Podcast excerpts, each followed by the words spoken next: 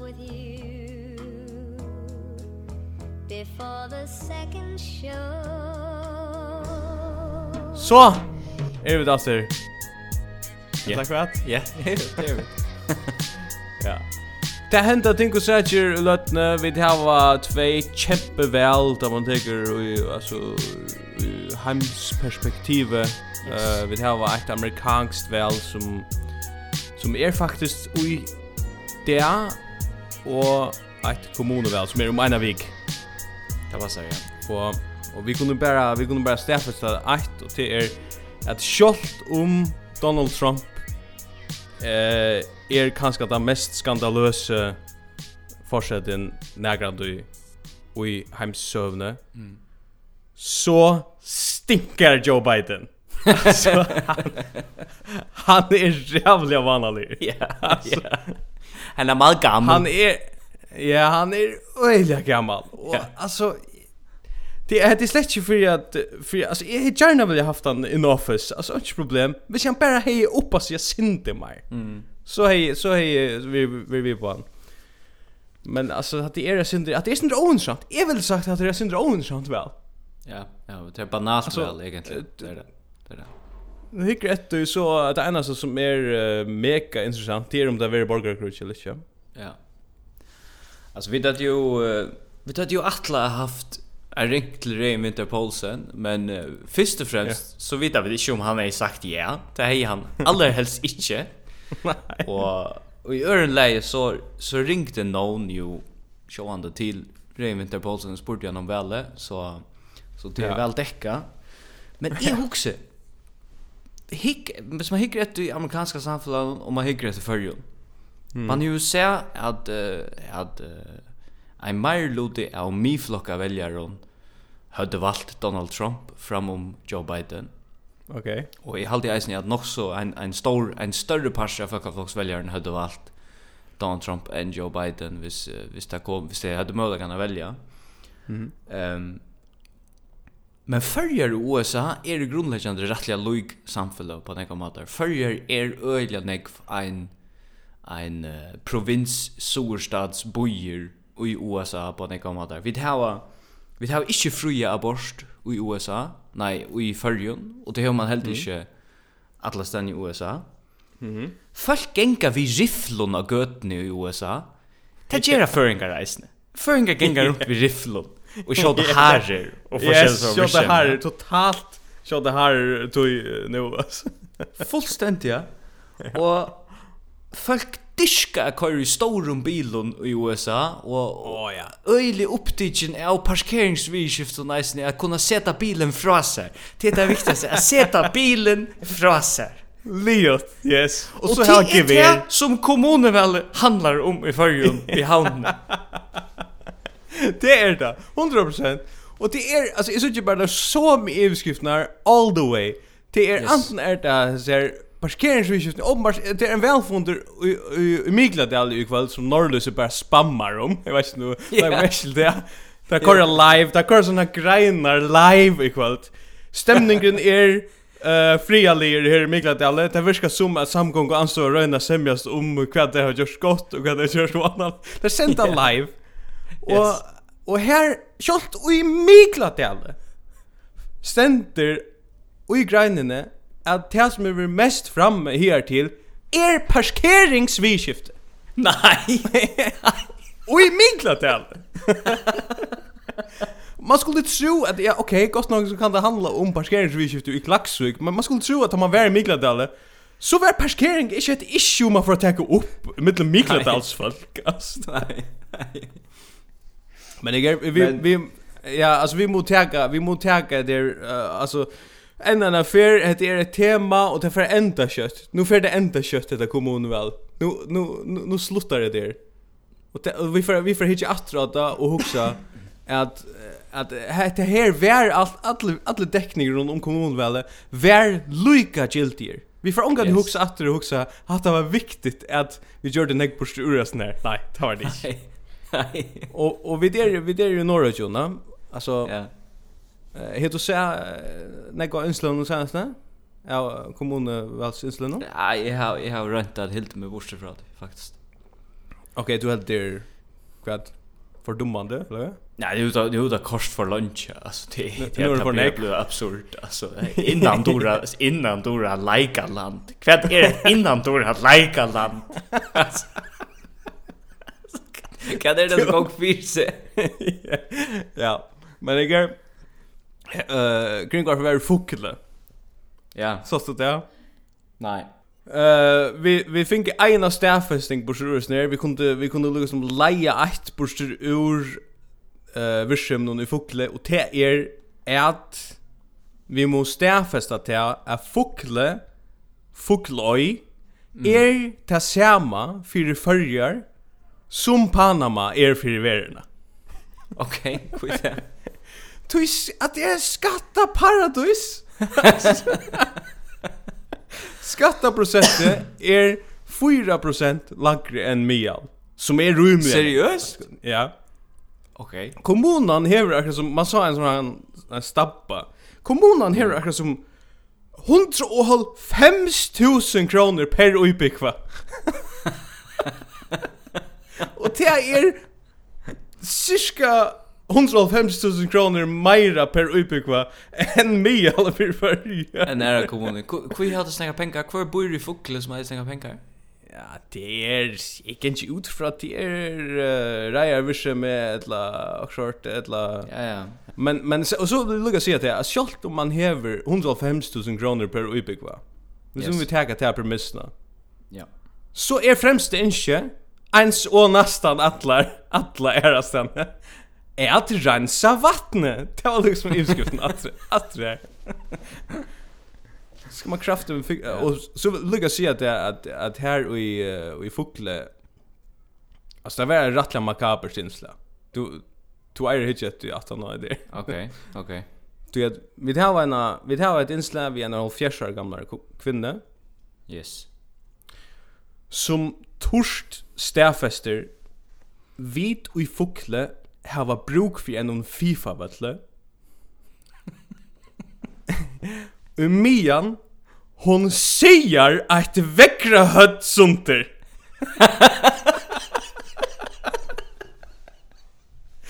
Jeg svörjer, jeg svörjer att det passar. Etter kan det heter Etter kan hon sier at vekra høtt sunter men hon kommer vi en innsjuk om en FIFA vøtle. Ein och en av våra goda vimman här i i programmen hon skriver til mun att hat er alltså hat er så rättliga rättliga David Lynch stämning här. Ja. Fågel. En massa film filmist brott. ja. Det men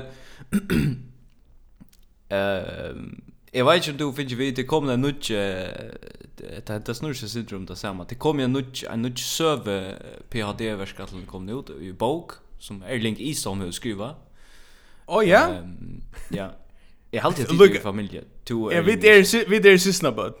Ja, ja, ja. Men hans er, hans er Richard, stafester, altså, det är en uppgör vid det som han kallar tjoskapar tjoskapar li sövertelling ja. Ja alltså det vill säga att det är en uppgift vi matar någon som vi då har fortalt och så som vi skiljer och egna söver ja. Ja. Och grundläggande stäffester hans här hans här reacher är att det var danskar som skapte förr ja Alltså det var ju inte det var ju inte rask rask lugga som Charlestons folk som sa det sa det att vi skulle lukka som avtaka eina handlen og vi skulle ut av fiska og alt det. Det var, det var nekker men Altså, det var ammen. Stille roll nekker ammen. Føringar var slash vi på avtaka kongalia eina handlen Nei. Og hvis vi får atter til at jeg vil seie høyt noen, en annan damer som stender og sier at jeg seier høyt, ja? Ja.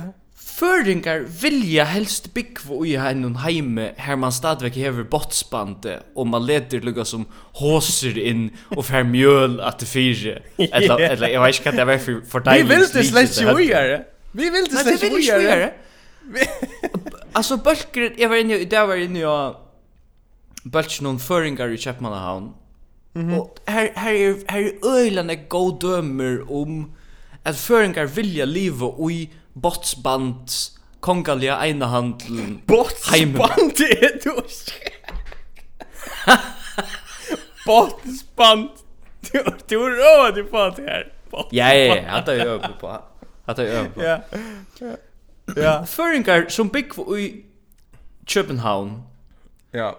Og så er det sånne spurningar som, jeg fant fire spurningar som jeg helt var ræv interessant. Han første er, veit nekar Hver jeg kan kjeipa havhestar? Ok, og kjepp man han. Og kjepp man han. Og så er en annen som skriver, Veit nekar hver jeg kan få fætter og evrå. ok. altså det er det som man teker fra slakten av seier. Ja, ja, ja, ja. Altså vi snakker om... Det er laukkakehuset og ich ich Sanchez og og Geranium at like at stein eita. Og så er du bare en bunke og fermentera om föringo som ville ha fætter och avrøye. Men vi er her, altså, et av beste døme om at det er eisene, det er et aktuelt døme, og det er at, altså, vi da finner den her talgjelda samleika. Yes. okay. Og jeg vet ikke om du hukte etter framlønning av detaljer. Nei, det gjør det jeg ikke. Nei, men det har vi så gjort. Ja, sjåant. Og du har ikke sett noe innslag av oss nær? Slett i røver ikke, ikke sjåant? Nei. Ok. Så för så, så för du kanske inte skiljer det men kanske onkel skiljer det att jag ser att Nikolaj Balle är sån där som är mera IT director eller sån där talgilda ja. samlagan. Vad skulle det? Ja, jag var det. Han køyrer rettelig heftig han Steve Jobs läser framlåna. Alltså det. Ja, det. Ja. Alltså han kör han kör spilt in några sneakers, alltså gull Reiner kvitar sneakers som är sindre höjer, okay. va Okej. Okay. Ja. Och så kör han blåan blazera, skarpan blåan blazera. Mm, mm. Och en rettliga crisp kvita t-shirt. Alltså som yes. en nudge. Alltså en sån yes. som är ångar vi uen för. Och Och jag har sett också hålls. Och jag är helt gärna löd jag han lägger fram alltså iPhone 12. Men men det var det var sån talgilt samlagen. Ja, ja, ja. Nei, nei, nei. Altså, jeg kan ikke være sånn her. Jeg vet ikke hva vi skal bruke det til. Her har vi et bruk for... Vi har ikke tørv å ha talgilt ting i førre. Nei, men det er akkurat det som er poenget, det er det at vi har bruk for euro, vi har ikke bruk for en talkjede samleika. Nei. Tui at det som vi brukar den der talkjede samleikan til och løtene, vet du vad det är? Nei. Jag ska spela klipp. Hette är, er nyhetsstånd att han har, uh, att han har några dier av att talkjede samleika i fyrjon. Hette er nyestående, hette är tølene, fyrir kvad vi har brukt den till. De som kom jøkken har brukt kipannar, jag säljer vänkan och den det har vi ja flera tugitals tusen hits säljer ja att det bands är ju helt säkert vi testar med mest populärt och ju det hade det här vi har brukt till och vad ska det mena vi? Det är en attarbandskrå tjo uilev saunon inne i att alltid samlägga någon man vantar lukka som man får bruka talgida samläggan till I don't know, alltså tax etla ägstovan eller så. Nej, det ligger en liten funka inni i uihis när her man kan kanna hver danske prester gjør det 200 bøtten for noen hundra år siden. det er noe som, man kan bruka en hela månad och bara att, att färra helt åter till någon danskan präst samtidigt yeah, yeah. som har fem mål trusch upp upp Och så är man mega väl nökter vet jag. Det är det akkurat akkurat öliga Jörgen Frans Jörgen Frans Jakobsens Janst Wischem. Ja. Ja. Öliga toppe, öliga toppe, toppe är ju toppe är ju släktaver vi alla såna väljare. Där vi ju ja, det likslent till hans politiska succé det är att Schilmhaveren alltså yeah. du vet det. Ja, ja. Det här toppet kommer in alltså där vi då vet. Det vet då vet. Ja, 100%. Jo, alltså i hooks bara så alltså så så föringar så så föringar brukar ta ta ta största lugga som tälgilda yeah. frambrott i jokra server som som folk till mm att köpa euro på Facebook. Ja. Yeah Etla finne det av hver er familie vi kvann. Ja, vi brukar lukka som jeg sier trush millioner kroner til en detalje samlagan. Vi målar ser sein modern myndene av att vilja individualiseras och vilja vara sin egna, sin egna tøkne till att vaskvat innast inne så vilja vi bara vita hur som prästen var som gjorde det med Och vad så hva, jag har et annet dømi om det samma. Jag har, jag har nu yes. klippet det. Køyre, Køyra, køyre. Og, og et, et dømi om at at uh, atterbandsgranskingen og, og, og ta, ta familiera i fyrir fyrir for nek. Ja. Her var vi, altså, du kjenner Vilmedans. Ja, det kjenner jeg. Og, uh, du kjenner kanskje ikke, du sarsta nok ikke og, og, Hva sier jeg til kanalen her i Argentina Kanal Nacional Buena Vista ett. Ja. Men uh, du er ikke nästa kvar för jag men tag gera för en girl mars. Okej. Okay. Och eh vi jag har ett døme her Her i uh, Rama Fossaberg går man förr eh intervjuar Ein person. Og la, la dem bare lukka høyra då så snackar de om at han Okay. Det blir illa til at hava hukt etter Vilme Dans, utan at hava bitte merskje og i stora orkestre som er vik først frutja kvöld. Det som öll kanskje ikkje vita er at sangarintan og i The Antonelli Orchestra, Stine Hjelm Jakobsen, ja hon hever røter til førja. Og vi hever henne vi okkon i telefonen nu. Goa morgon, Stine. Goa morgon, Rana. Ja, skal vi ta det her intervju på færøsk, eller hvordan er det med det? altså, du kan godt forsøge, men så kommer der nok ikke så meget igen, så desværre. Vi tager det på dansk. Ja, tak. Stine, hvad er din tilknytning til Færøerne? Jamen altså, øh, min far er færøsk. Eller siger man det, når han er født i Danmark? Begge hans forældre er færing, ikke? det, det er sådan lidt, at du ha, jeg ved ikke rigtig, om jeg er halvfæring eller kvartfæring, men jeg synes, jeg er halvfæring, for min far er færing, selvom han er født hernede. Hvor tit er du oppe på færgerne? Alt, alt, alt for sjældent. Jeg tror, jeg har været der tre gange, fire gange i mit liv. Øh. Ja. Nei, nei, nei, nei, alltså för førisk försk utvar folk kunne ikke bara rinja till utlänningar och tvinga der att vara føringar i hela. alltså ända ner ända ner Stine. Alltså allt gott om om henne just ner. Du hon bara teacher modern uppkall. Alltså hon hon lukar som Hon är 24 jag så säger nej för hon säger alltså jag vet inte vad det är och jag vet inte hur ofta jag är ju tycker jag landet. Alltså hon hon skjuter bara så snöglunt där. Jag vet inte mer hållver eller kvartsföringar och jag vet inte mer jag är trutchen eller vad är Nej. Hon skjuter åt det. Och och det som är också intressant just för till det att uh, att alltså vill dans fungerar så är att de som dansar Yes. De Hej är stjärnan där i programmen va? Ja. And och näst time on så är det domarna som är stjärnan Ja, ja. Och så och så så hooks ju bara. Hända ner spelar vi i orkestern någon. Alltså, alltså inte det som dansar och vill med dans, men bakgrundsorkestern och vill med dans. Och är kvarste föringar. Att det alltså att det Att det förlängt ut alltså. Men att det att det är att det som tar förringar vi att tillskriva först kom Fisherman under Heiren för att Västerheimren vann. Annan var alla bara det. Vi måste tunga det ettla. 100%. Ja. Akkurat som det är är sån i förrun så är det ju kommunen väl i skåpen. Man kan halta att det är Örvis i skåpen, men det är det ju. Och skåpen är ett gott sted. Alltså det är ett ja. Rättliga häftigt sted i förr Cowboyland. Till ölen en Cowboyland då. Mhm.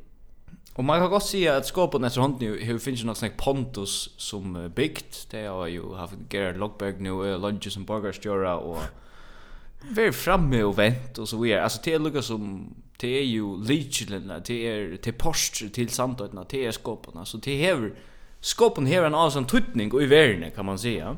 Ja. Och Ein som stillar upp i skåpen, hon har skrivit en, en liten text om seg sjálvan, her hon sier, jag hugsi ikkje vad kommunen gör för meg, men vad jag kan göra fyrir kommunen. Hade John F. Kennedy? That's taken. Hon teker John F. Kennedy mitt ja. i kalda krøynun og flytet det til skåpon som hever hansens størsta postkassa og verens besta borgarskjøra. Ask not. Ask not what your country can do for you Ask yeah. what you can do for your, for country. your country. Yes. Boom. Ger ta sam have tan sam hookborn ta du stillar upp i skåpon till outjust. Yes. Och vad ska jag hur samma med det här vi något som hände här om vägskifte. Mhm. Mm här som uh, näka så av alta som att Ja, okej. Okay. Jag vet inte. Jag vet inte om det är av alta men en flocksting blev hylte. Mhm. Ja. Ehm um, og akkurat her vi at vi at uh, at bruka okkur som er større enn samanhengen der ui. Ja, ja. Det blev just i near för någon. Det var alltså flockstink tjoa tjoelte. Okej. Okay. Här da kom ein evil losing ut att. Yeah. Alltså ja. ein Jeg vet ikke, en deklaration, er det ikke det där? Jo, jo, det er jo, jo, det er det. Og jeg vil ikke sutja en iverløsning atter og jeg snir landen noen, Tui vit er ikke i bardenon i Gettysburg. Altså, vi er ikke her. vi er i største friar tui nekrand i usen landen. Det är er inte Aron Kiele frien. Nej, nej. Och vi är det enaste du sörst alla sen till er jag vill ha släppa slötcha bild og nu sedan är här. Eller jag vill släppa ha vatten eller så till super. Sent ett hundra skriv ut kjolde, kalla det en teltepost eller så, ett hundra skriv, ikke kalla det en iverløsning. Hette er bara, hette er bara en mailer, altså, hette, Jag vill inte sucha en evil lösning. Det ligger ju just ner. Och jag vill inte sucha folk skriva en horst alltså när vi det har sagt grejt och tydliga att det skulle att vara via sia horst. Ja. Och skriva horst. Det skulle ja. Jo, men det är Det är ju ett år vi nekvon inflationen, alltså i de hottögnen vi brukar och i de maten vi lyckas som förhålla oss till ting. Mm Okay. Eh, det är nog bättre att vi har haft corona om alla hemmen och så man haft så lite jag inte på och att bara så det boje efter att också ska bli bättre. Ja. Men ehm till i snacka vi är förjar i som hon förrun flyter sig från att vara ett fullkomliga amatörist land, ett pura oprofessionellt virke med till att bliva sin professionalisera i som hon. All right. Och Ett gott döme om det är uh, till till veri i i i fotbollen och jag är i förrjun. Nu är landskapen ju Leo. Eller ja. inte Leo, men har ju vunnit. Ja. Men uh, bäge domar av fällaje och vänjar av fällaje har vi just nog snäck om sig i förrjun fotboll i år. Jag ser inte för nekv. Jag ser inte för nekv. Allt för näck, ja. Ja. Alltså, Det är det är ett fackfelax är i förskon fotboll. Det är så lite i er hänt. Och alltså här var en sak här var en sak vi UF som är ett öliga mediokert fotbollsliv i förskon kom. Ja. Och hjälper vänjar någon som heter Olavur Larsen. Ja. Som som som er hjälpar vänner. Han är inte mer än det. Alltså han är Kalemauren. Han sätter Kalen här uppe. ja. Och han var skrasetter som hövsvänjare och i dysten och UF tog att hövsvänjaren till UF hever inte till rötta papurna. Wow, her er det kvack som hoppar av nu? ja, ja, ja, ja. Men, alltså, Och och och det så handlas om att vänjare fälla hej tala att tui att tui att Olav Larsen er ikke venjer, og det har vita ødel i førjen jeg, va? Så blir Olav Larsen for nærmere. og sier, jeg er kraftig etter med venjer. Førjer vi det av han er ikke venjer, eh? Men det feitast og isen her, til det at venjer er fedler for ut og kører sånne Ingeborg Vinterstil, og som han videre en fagforening. Altså, det, det er et fela tja venjer som som er venjar til folk som arbeider flaggavirk. Ja, akkurat. Det er ikke all gong. Altså, det er det ikke. Det er ikke inne her vi, vi om, om det er om verskfallsratter eller noe sort her. Altså, det er null verskfallsratt venjer av fellan. Ola Lasha, svek. Det skulle ikke Et allmenn strøy om hjelparvenjar. Ja. Alltså jag ser jag ser redan några mynter nu till FSF jöknen jag jag fyllde FSF på Facebook. Mm. Eh och jag ser redan några mynter till timon här det är det som i kvöld var C2 B Venjara Sky och i hölen hos FSF och så är 204 här. Ja. Alltså Kus det kan vinja kan man hava. Queer dit 200 fyrar till det här. Men så allt så det fyrar alltså största dreamer av dem är att få en FSF drakt och få ett par av av av av, av sneakers alltså en joggingsko. Ja, och och så helt när de är en alltså vän, nej är en likare och i bästa deltne. Ja. Slappa lucka av. Det är allt för några vänjer i land, no? men alltså du också att det till vi blivit för professionaliserade av hästen nötchen va. Är det inte också? Ja, det är trubbeln är vi har en fot in i ut professional världen och vi har stadigt hinfoten och ut i fullständigt amatörisk cable världen ja. Ja ja ja ja ja. Yes.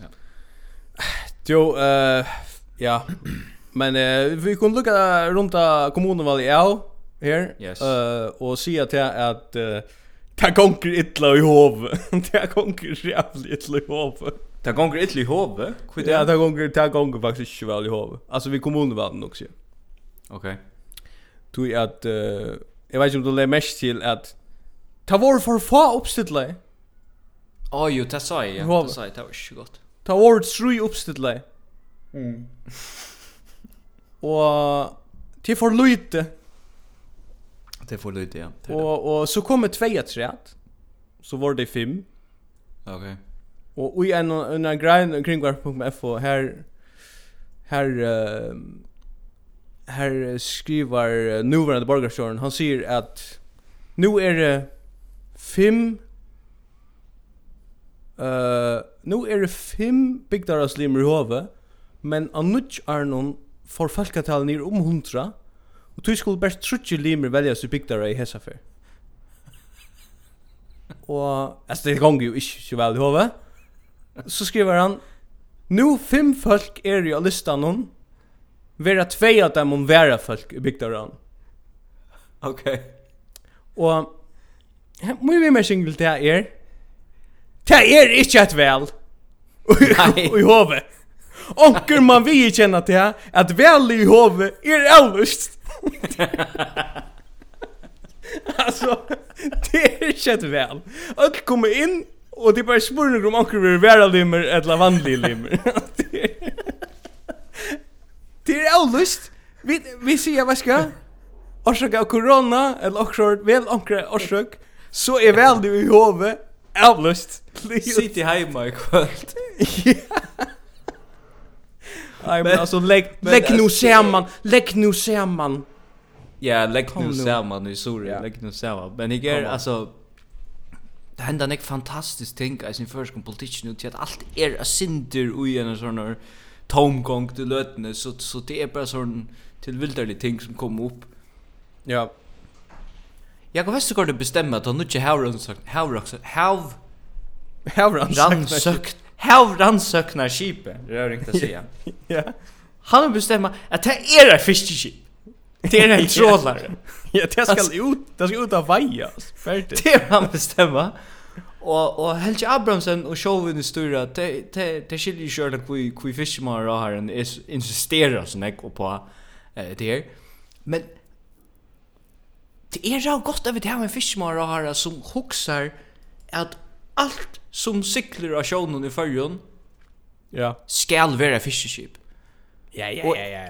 Alltså är ojmynt mer att han nästa verur att han för att säga att han för att tvinga Smiril att tråla medan han cyklar mellan havnarna och så räkna. ja, det är för förra vilt alltså. han för att ge Smiril en egen kvote. Ja, ja, ja, ja. Ta kör kör vi oss när kvoten och nu knallar det åt höger vänster alltså. Mm. Dolnämnd läsarbro, vad det är på portalen och så. Och alltså det är det vi er russar skulle flickva för för i förrjun eller inte. Ja ja. Så så så citatet John och här är det. Nej, jeg har hört det sagt også om det. Han var bara löktig nu och han kunde Citat, jeg kunne ikke skite meg at om russar så flo i fargen, om det så flikva kvante. Jeg kunne ikke skite meg råd av hans sitat. altså, du har en, en menn at ta i til samleidjen ble lagt der fram, så er du, altså, så er du Jørgen Niklasen som bare bombarderer ut vi, jeg hater skatt. Ja. Og hinner menn här du Jakob Westergaard som sier, jeg kunne ikke skite meg åt om russar flick vid vargen. Nej. Vad ska hette i ortan? Hette i ortan. Ja. Kajra? Det är det är den samma geistern som är i en storstad upp till amerikanska uh, forsätta väl. Ja. Det är akkurat så det är visshemme. Det är riffle visshemme som 100% riffler, ja. Eh, huxar vi skulle färra till några som vi har haft rättligt ofta. Ja. För att tagga till nu. Two player, two player var raskare att tagga till, men nu har jag faktiskt funnit funnit några go ting här. Uppskrifter, ja. förskar uppskrifter. Yes. Det visste mig som som som sagt föringar brukar sin tältkilda samlägga till. ja. Jag har funnit det. Att Alltså jag har funnit det av hur Norsland av buljongterningen är så massiv i förr. Det har varit på tøyna. Det har varit på tøyna du grann. Jag får jag du kan hacka för det här här som ingen näkan har funnit det av. Det är ett kämpe, kämpe pyramidspel. Okej. Konspirationsteorier? Nej nej nej, det är ett pyramidspel alltså och det snurrar sig alltså om att föringar utan att allmänna kunskap där arbetar fyra knorr och magiterningar och också och allt det här och kostar Ja. Här är en som skriver Føringar domar ju väl sås. Hon skriver innan av Facebook-bølgen, um, och hon spyr om råd till att göra bruna sås. Oh, ja. Och så svärar folk, ta första svärar öliga stort. Aromat fuck fracknor. alltså automatiskt svär. alltså yeah. sort alltså sort uh, reply uh, alltså sort standard reply. Jag kan fan yeah, det. Yeah. Ja det är uh, tar man ner ferie så är man så standard alltså. Ja ja, nämligen så man så mail automatisk mail uh, yeah, respons. Ja. Yeah. Ja. Nummer 2 Sverrer, Öra kött Eisne, också terningar. Du kan du lukka spela mig, alltså är det han finns det skriva bara aromat från knorr. Bara aromat från knorr och känner. Det förstår du känner så till. Nej nej, ska du få en sås till det? Aromat från knorr. Så skriver nummer 2 skriver också terningar. Så skriver en annan också Maggi och knorrterningar plus så och Roma. Ena som går här är Rome alltså. Det är runt så. Och så är en så är en som skriver Jag kallar det allar oj. Alltså, vad sker till Gerana sås? De bo De må slappe av vi har køyra alt ui.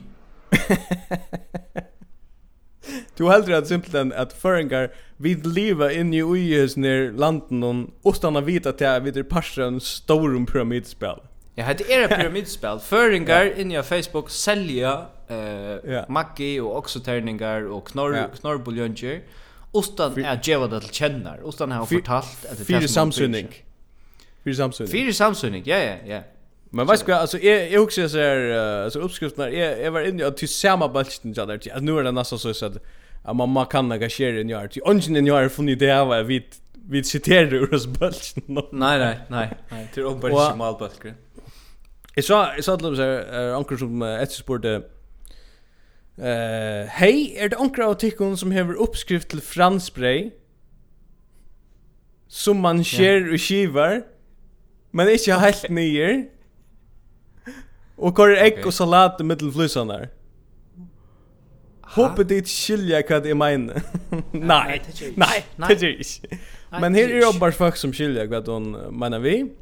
Okej. Okay. Och så det en som uh, delar en mynd av en uh, en blotje her under skru oppskrift nå. Okej. Okay. Och uh, ratteren eller kan man kalla det eiter tada franspray. Okej. Eiter. Eiter bara i skriften är bara franspray, du vet du? Så stender, Troy Bigger BG Bigger. Okej. Okay, yeah. El Suroma Trui? Trui beaker. Alltså BG. Nästan en liter. Ja. ja. Okej. Okay. En och då så sen där en halvan dunk av majonnäs. dunk. Alltså det är jävligt att näck flotande fight tillfär här. Ja, långt här. Och uppskriften är alltså uppskriften i gånger ute på franspray. Vi är långt in i Suroma och en halv dunja majonnäs. Så ständer två packar, två packar av holiday. två. Holiday kväll. Holiday dip. Yes, ja. Okej, okej. Sex tomater, nutje kokaägg, nutje oh. kokaägg. Två packar av skinkestrimlon och allt det där då. Nu kommer skinkestrimlon in att det här och och trutjar eh trutjar, jag vet inte, trutjar doser av mais eller så där. Okej. Okay. 200 grader i 20 minutter. Så kommer vi mäskarna til vi mäskarna. Altså det heter vi mäsking til hese uppskrifterna. Mm. Så skriver en vi mäsking tusen takk. Så en vi mäsking under. Kör du inte rivnan ost om man å?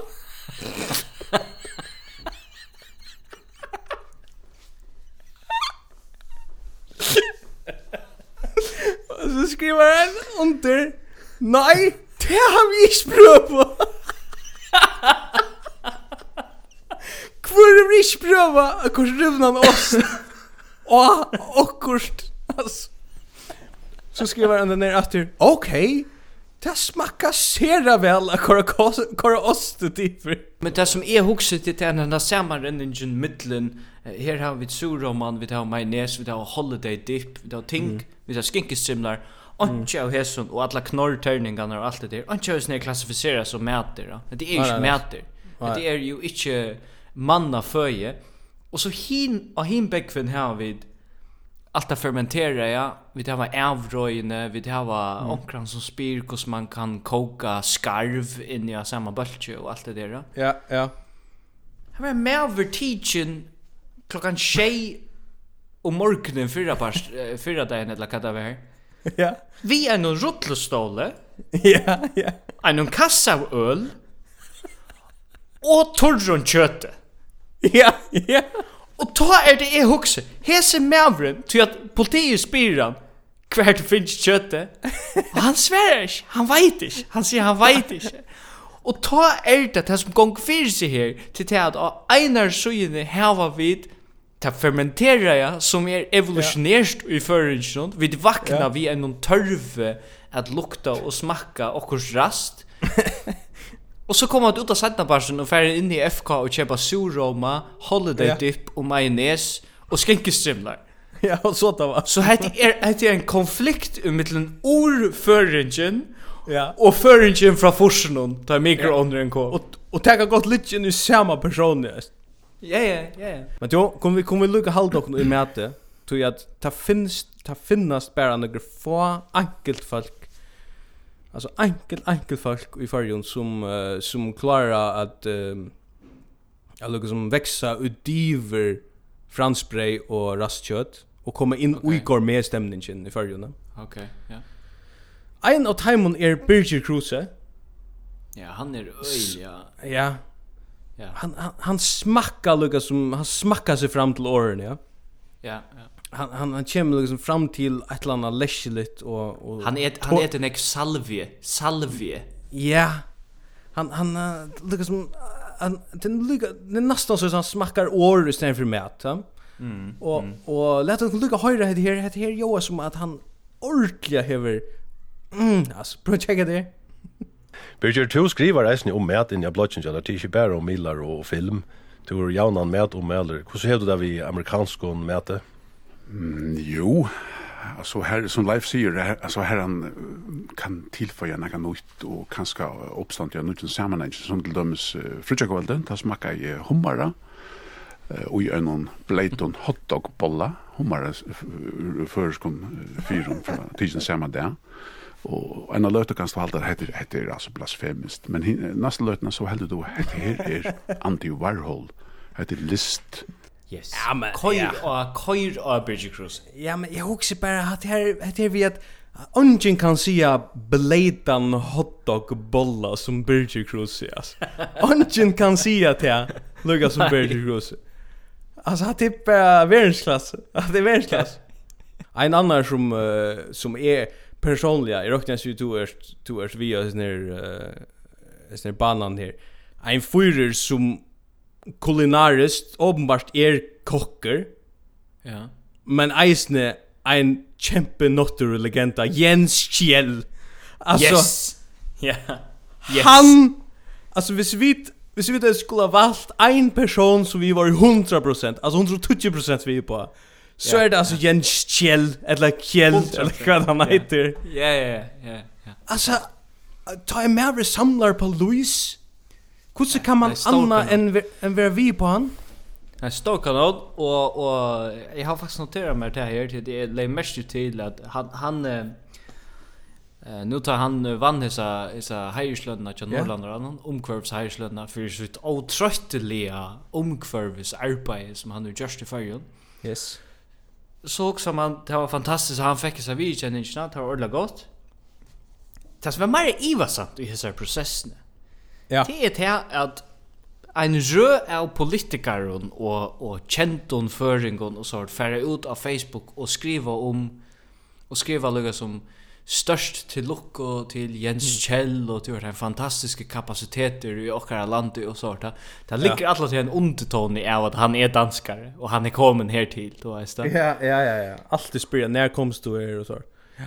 Og føringar skriver det her og hugsa, stor kanon, nu har han vunnet en pris, men føringar har alltid veri imot Jens Kjells av verveitingar virsen. Altså, vi tar tunt, ja Lund, Lunda stånden ute i Nölsøy, Nölsøy, og i lukka som Ara Tutscher.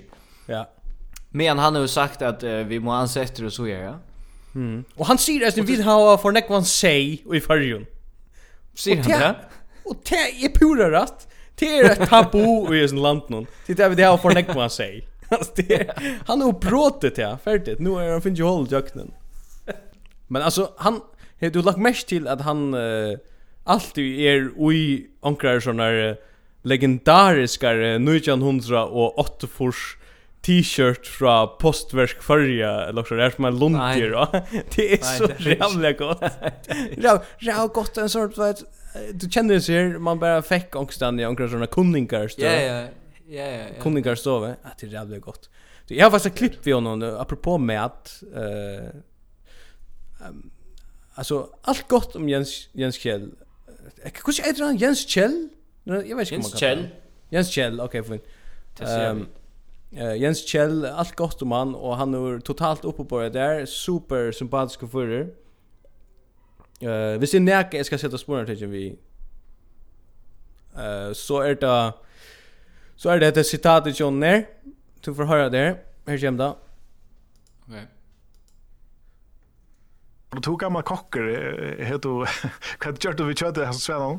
Ja, Sven den er selvdød, så den har jeg ikke gjort, men hvis den var fløj på, så havde jeg spist den. Ikke? Også, så det, det er faktisk den eneste, hvis fuglene er, er enten fløj på, eller de er friskskudt og sådan noget, så spiser det eneste, jeg ikke kan lide, det er ravn. De, ravn, de smager ikke godt. Okay. Men annars heter det smakar det mest tror det som som är just uppe. Ja, ja, ja, allt, simpelthen allt. Ikke også, men jeg ser Grønland, jeg læste at Grønland spiser ravn, men det er ikke nogen god idé, synes jeg. Okay. Så jeg kraft et mig kan ravn. Han äter allt. Han äter allt och sen ravn. Och det är alltid att det är en rumlig stor vision i just när att folksins fröingar som man vill kalla har hever pröva alla folk. Ja, ja. Alltså allt Mauren hever et gärna lycka eller något då. Alltså då att men Rauner det ska kraft ett mig hålla altså, alltså från min dörr på. Det är det så det ena så det inte. Så så han sa man kan inte säga han sa Lucas som eh natur värdar arbete och han sa utstappingar visse med tabier vi har var svänk. Ja, det kan man gå se. Det blir vi han tog en fuck bara. Han skulle ju ha. Nej, alltså totalt vi på Jens. Alltså. Ja, vi på Jens Kjell. Det som jeg ikke er vi på og det som jeg börjar atter i fargen nå, nå ja. da jeg häste kommer, Det er håndbølteren han er börjar atter. Okej. Ja. Uh, Hompeltren hever nekrar, altså han hever nekrar Achilles her, hälar i fargen vill jag säga. Nå, no, nå. No. VF finns ju nutja vänner och det är bara alltså han heter bara John Larsen. Alltså du vet det är bara en danskare som heter John Larsen. Det är en Fred det är en Fredricha typa. Det är ja, en Bodega typa. Som är bara kommen alltså flojen flojen till landet. Och är också vet hur ser sitter omsätter sig ser hompa det som sitter lugga som och arbeta vi att få vänner och och och och att ha sortmålar vi spelar. Hur fallet det är ett otroligt skjold yeah. skjold på i arbete.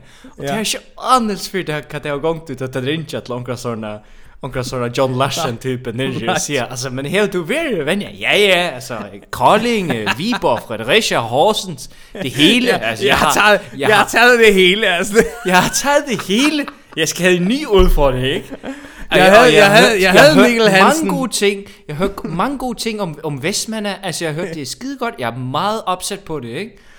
Og så Och så är man bara iverrumplar av den energiska dänan som kommer. och så kommer han till följer. Ja. Och blå vänjer, tja, västmänningon. Ja. Och så hör du en dist mellan VUF i nästan, VUF och F och nästan. Och örslet i av disten var 35-34 till VUF. Ja. Men disten enda i 35-35. Tui domara borre som er ett koncept i handboll. Du har också som ett domara borre. Känner du inte domara borres felare?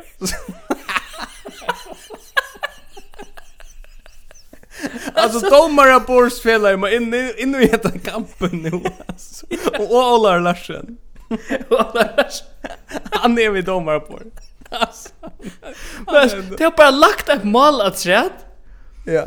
Og jeg vil bare si at at alle uidrottargreidnar som hava eit domar bor her det er sånne KFM-typer som sitter og, og strika, hver striker i papur.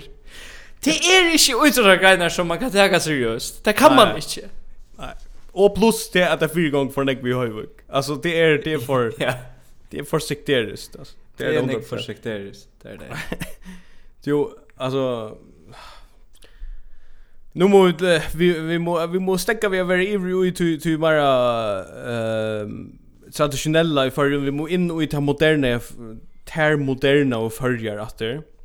Ja. Och tvär rattliga oförska typer har stämplat sig in åter eh i dysten i förrun. Okej. Okay.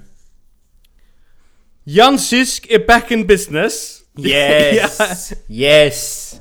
Jan Sisk är en av dem helt fave Ja, ja. Som kan sya sig upp allmänt Men vi är för goer till att låta färra Ja Fuck en sier alltså Jag Jan Sisk Absolut Och han är alltså en av dem som kan färra ut Alltså och komma åter En brunare än av er Arn. Alltså han är ja. Han är ja. goan till nu Ja En som åter Eisen är back in business det är John Rajani. Han är back in business. Ja. Ja. Och och han är en öliga smooth och checka typ ass. Ja, det är det. Öliga öliga strokna kyrste och ta ja. I huxe han är han ju blev sent här i Israel. Jag tycker han passar öliga väl in i ett Mossad-geschäft där i Tel Aviv. det gör han, han ska bara köra där alltså.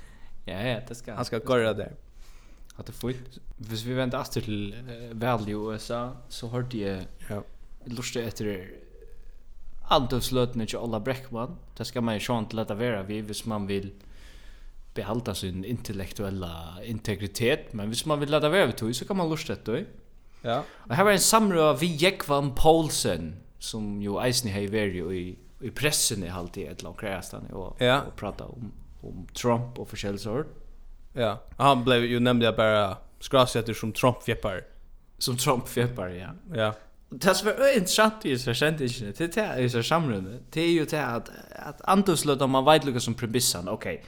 han färre affär efter muslimen, han färre affär efter dem svörste, dem samtkynte, efter socialisten och, och kvart han nu kan vara, alltså generellt mm. minnelåt om eh, och, och så vidare. Mm Allt det hände ju i så samnur samrunde vi Egon Paulsen pratar ju om eh väl i USA där pratar ju om uh, muslimer och kristenvirer och svärst och sanchint och socialister så plus Johan Dahl. För efter Johan Dahl. Pura. okay.